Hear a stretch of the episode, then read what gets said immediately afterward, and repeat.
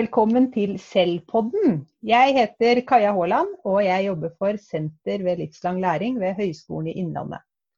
Med meg her i dag har jeg min gode kollega Berit Dahl. Og til daglig så jobber vi med DEKOM, desentralisert kompetanseutvikling. Og i disse dager så arrangerer vi webinarer for eh, lærere og skoleledere i grunnskole og videregående som skal sette standpunktkarakterer. Kan ikke du Berit fortelle litt mer om bakgrunnen for hvorfor det er aktuelt tema akkurat i disse dager? Jo, eh, nå er det jo noen i avisene som sier at man ikke skal si i disse koronatider. Men jeg tror jo fremdeles på at det er jo den koronaviruset som gjør at ting blir annerledes om dagen. Så da får dere som hører på ha meg unnskyldt at jeg kaller det for det. Men i alle fall, i disse tider, da, hvor elevene må være hjemme eh, Du ser dem ikke på skolen sånn som du pleier, og så skal du da sette en standpunktkarakter. Og i, i tillegg da eh, i praktisk-estetiske fag, for vi lager jo disse Um, kursene, eller ikke møtene våre, kanskje er bedre å si en kurs. Ja, digitale møter, kanskje? Ja, digitale møter i praktisk-estetiske fag. Og kanskje er det sånn at det er litt mer utfordrende da å kunne sette en rettferdig standpunktkarakter på et bredt vurderingsgrunnlag når du ikke har elevene foran deg. Så jeg tror personlig, for dette her har vært noe som har vært veldig populært. I går f.eks. med kroppsøving så hadde vi 109 deltakere. og Det betyr jo at vi må ha truffet en, en eller annen slags nerve eller dekket et behov. Ja, og i går så var jo ikke du aleine på dette nettverket, Berit. Du hadde med deg Kjell Evensen, hadde du ikke det? Han er uh, lærer ved Øyer ungdomsskole. Kjell, kan ikke du si litt mer om deg sjøl og hva du jobber med? Ja, uh, ja som du sier, jeg er lærer ved Øyer ungdomsskole. Jeg har undervist i kroppsøving i mange år. Um, vært opptatt av underveisvurdering og jobba mye med det. Og i forbindelse med det så har jeg drevet med blogging i mange år.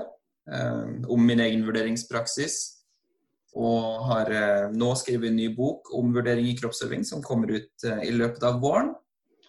Og jeg har også jobba hos UDIR med læreplanutviklinga nå i fagfornyelsen. Bra. Um, uh, ja, du uh, Hva bidro du med i går på dette nettverket? Hva var det du fortalte om? Jeg fortalte litt om hvordan vi tenker på vår skole, om de mulighetene vi har nå det er jo som Berit sa, det er en helt annerledes situasjon. Men eh, det handler jo litt om å gripe de mulighetene vi har. Eh, og prøve å utnytte handlingsrommet som det digitale gir oss. Da. Så jeg fortalte litt om hva jeg tenker og hvordan vi jobber med egenvurdering. Og med å prøve å lage litt brede og realistiske oppgaver som kanskje kan avdekke elevers kompetanse nå mot slutten av opplæringen. Men er det ikke litt vanskelig for deg nå når du eh, ikke liksom ser elevene og hva de gjør i fag som kroppsøving? Du kan jo liksom sende dem ut på joggetur, men det er, kanskje mer enn det du gjør forresten. Hvordan, du, hvordan fanger du kompetansen til elevene når du ikke møter dem? Ja, Det vi snakka om i går, det er eh, elevens egenvurdering at det er veldig viktig å utnytte den muligheten til å få innblikk i elevens læringsprosesser. Eh, gjennom egenvurderingen så får du innblikk i elevens tanker både før og underveis og etter eh, gjennomføring av ulike aktiviteter og opplegg. Så det tenker jeg er en grunnstein man må ha på plass. Der man må jobbe med egenvurdering for at uh, man skal kunne avdekke kompetansen til elevene. Da. Og I tillegg så må man prøve å lage oppgaver som uh, gir elevene muligheten til å vise kompetanse. Men, og det er klart det er utfordrende når du ikke ser elevene. Så selv om vi har digitale verktøy og elevene er der ute, så, så har man jo ikke samme kontakt som man har i gymsalen eller i aktivitet i skolen. Men likevel, både med egenvurdering og bruk av de digitale verktøyene så føler jeg at vi får eh, ganske bra innblikk i elevenes kompetanse, i tillegg til det vi vet fra før. Berit, eh, hva snakka du om i går? på Jeg gjorde, jeg gjorde det jeg klarte for å knytte det som Kjell sa, da, om Mm. prinsippene for standpunktvurdering. Og det jeg trakk frem da, det var breddekravet, som er et absolutt krav i standpunktvurderinga. Så snakka jeg litt om hvordan vi skulle få til rettferdighet eh, i eh, standpunktvurderinga. Dvs. Si at elevene opplever at den vurderinga de får, det er rettferdig. Og så dro jeg fram et poeng til, og det er at eh, vi at kompetansen til elevene, det er egentlig ferskvare, da. At vi prøver så godt vi kan å, å vente så nær opp mot standpunkt karakteren skal settes som mulig, da. Eh, for å bli ferdig med det, på en måte. Og kunne klare å si og stå for den karakteren eh, som man gir. Men så har jeg lyst til å utfordre Kjell litt, fordi han hadde så mye kreative oppgaver i går. Altså.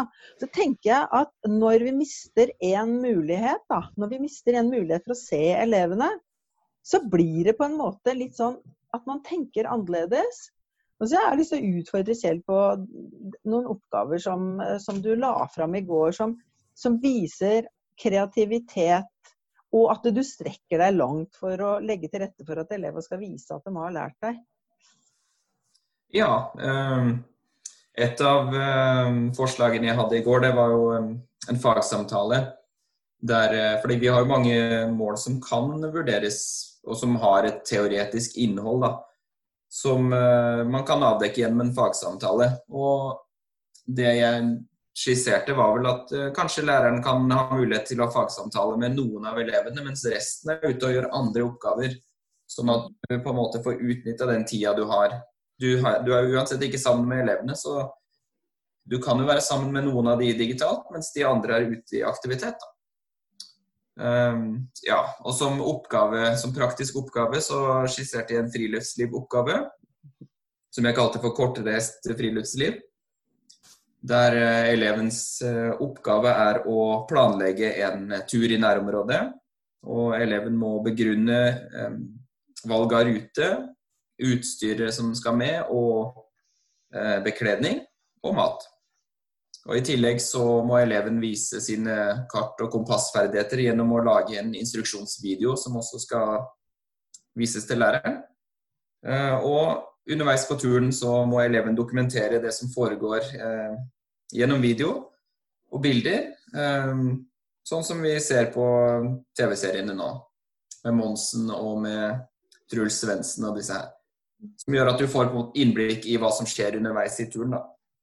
Så kombinasjonen av planlegging og gjennomføring og dokumentasjon her, eh, sammen med elevens egenvurdering i etterkant, tenker jeg at eh, kan gi et ganske godt bilde av elevens friluftslivkompetanse. Og så fikk Ja, vi unnskyld. Unnskyld, ja.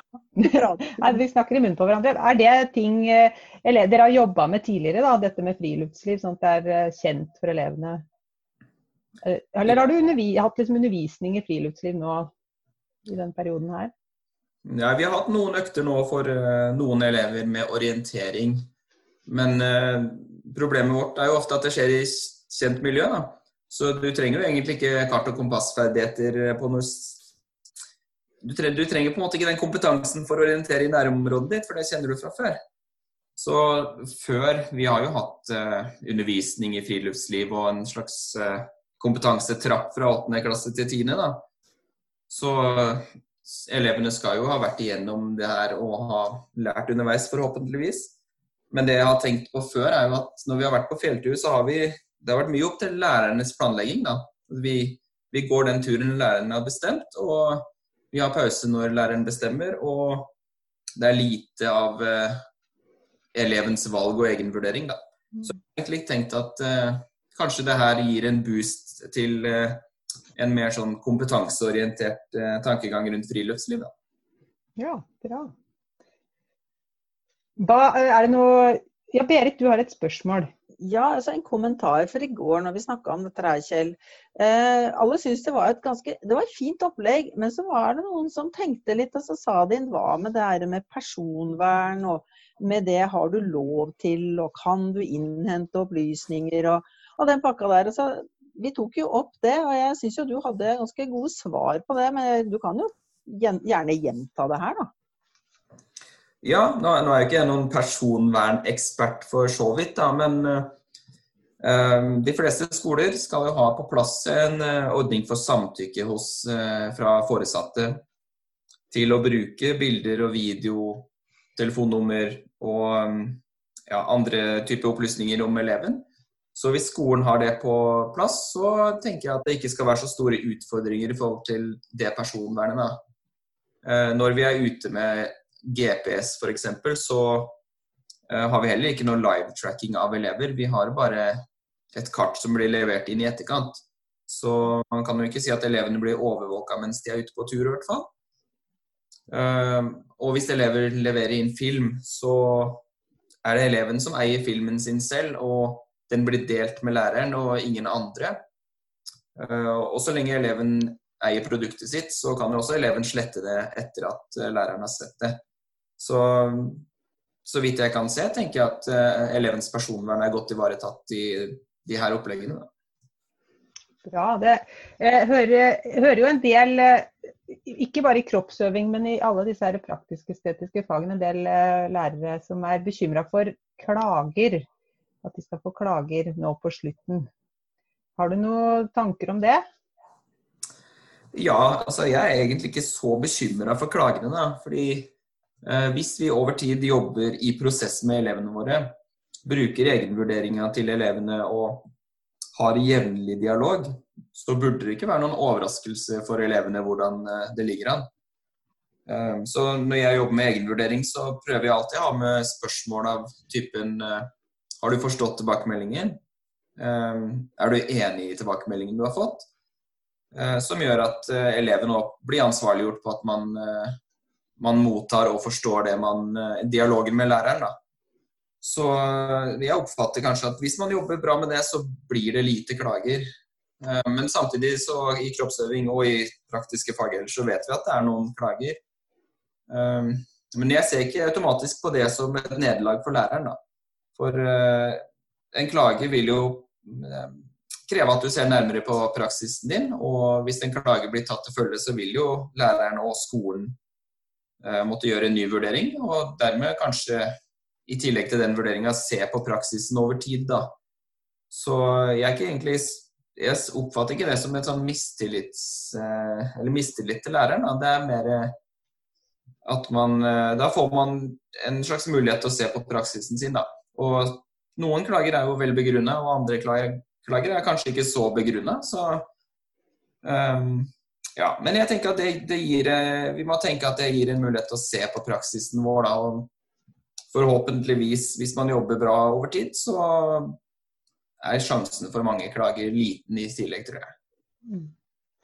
Eh, har du tenkt noe over det her med at, å gå fra å være trener til å bli dommer nå i denne perioden? Og, nå snakker du mye om egenvurdering og underveisvurdering. og så er det noe med Hvordan tenker du at det balanserer i forhold til den siste perioden vi er eh, inne i nå, hvor du skal som lærer på en måte ha innta en dommerrolle?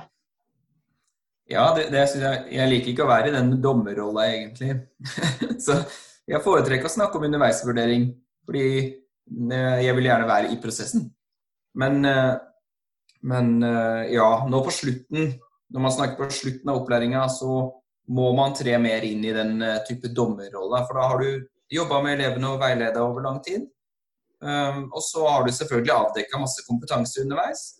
Og nå på slutten så prøver vi gjennom noen utfordringer å avdekke enda mer kompetanse og på en måte få en mest mulig oppdatert kompetanse. Da. Eller oppdatert blikk på elevens kompetanse. Um, men ja, men det er det er litt utfordrende å gå over i dommerrolla, syns jeg. Men vi, vi, blir nødt til å gjøre det nå. Nå kan ikke eleven få Han skal få støtte og veiledning i, i prosessen sin, men så må eleven også vise kompetansen sin, da.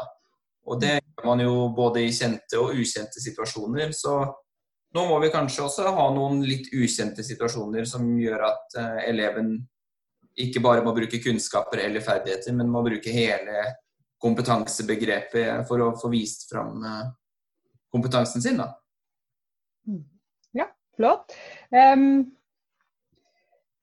du har også sagt at det er eh, fint å det fortalte dere i stad, å fokusere på mulighetene framfor begrensningene. Eh, og da sa du noe fint om lærerne, syns jeg. Du sa vi må ta utgangspunkt i at lærerne kan jobben sin. Ja, ja, det tenker jeg at vi må. Da. Det er mye usikkerhet der ute tror jeg, blant kroppsøvingslærere nå på det her med vurdering. Eh, og spesielt i disse tider. da. Så, men jeg tenker at vi må ta utgangspunkt i det at vi er profesjonelle, vi kan jobben vår. Og vi har et profesjonsfellesskap rundt oss på skolen vår eller i kommunen eller i nettverket vårt. Og det tenker jeg at vi må bruke. Og så må vi stole på den fagkompetansen vi har. Og vi har eh, mye informasjon om elevenes kompetanse, og vi har eh, forståelse for eh, læreplanen og for vurderingsarbeid og formativ vurdering. Så jeg tenker at læreren må tørre å stole på det. Det er jo ikke krav til at alt du gjør skal være dokumentert. Og det går heller ikke an i en underveisvurderingsprosess eller i en læringsprosess. Men vi har jo fortsatt et profesjonelt skjønn som vi må stole på. Og det tror jeg mange lærere klarer helt fint. Alle lærere klarer det helt fint. Ja, det er bra. Eh, da lurer jeg på, Har du et spørsmål til Kjell Berit? Nei, Jeg tror ikke at jeg har det. Jeg har bare lyst til å, å si at det der problematiseringa du gjør Kaja, med dommer og trener, jeg tror at hvis vi snakker med elevene om det også altså Kjell er jo inne på dette med å snakke med elevene om hvor de er, om de forstår osv. Den tilbakemeldinga de får. Hvis elever blir snakka med, da. Eh, det er forskjell å snakke til og med, men hvis elevene blir snakka med i forhold til hva som ventes av dem i standpunktvurderinga, eh, hvordan den er, hva som kreves, at de må delta, vise at de kan Uh, og, så videre, og at dommeren, at dommeren, altså at læreren blir mer en tilbaketrukket person og ikke kan drive undervisning, så tror jeg elever aksepterer det. Men hvis de ikke veit om det, den der, det rollebyttet, så tror jeg det kompliserer hele greia. Så jeg befaler at folk snakker om det på sin måte. Og gjør som Kjell sier, har du forstått hva jeg mener nå? Skjønner du hva min, min rolle nå innebærer? At jeg ikke, ikke, kan være den som jeg er når fram til vi har, begynner å starte den standpunktvurderinga. Jeg tror på det. Jeg tror på elever. Jeg tror på dialog og kommunikasjon. Mm. Det hjelper i veldig mange sammenhenger, tenker jeg. Ja, det er bra. Ja, men da vil jeg få lov til å takke dere for praten. Eh, hyggelig at dere var med på dette her. Og lykke til videre med både standpunktvurdering og webinarer. Ha det bra.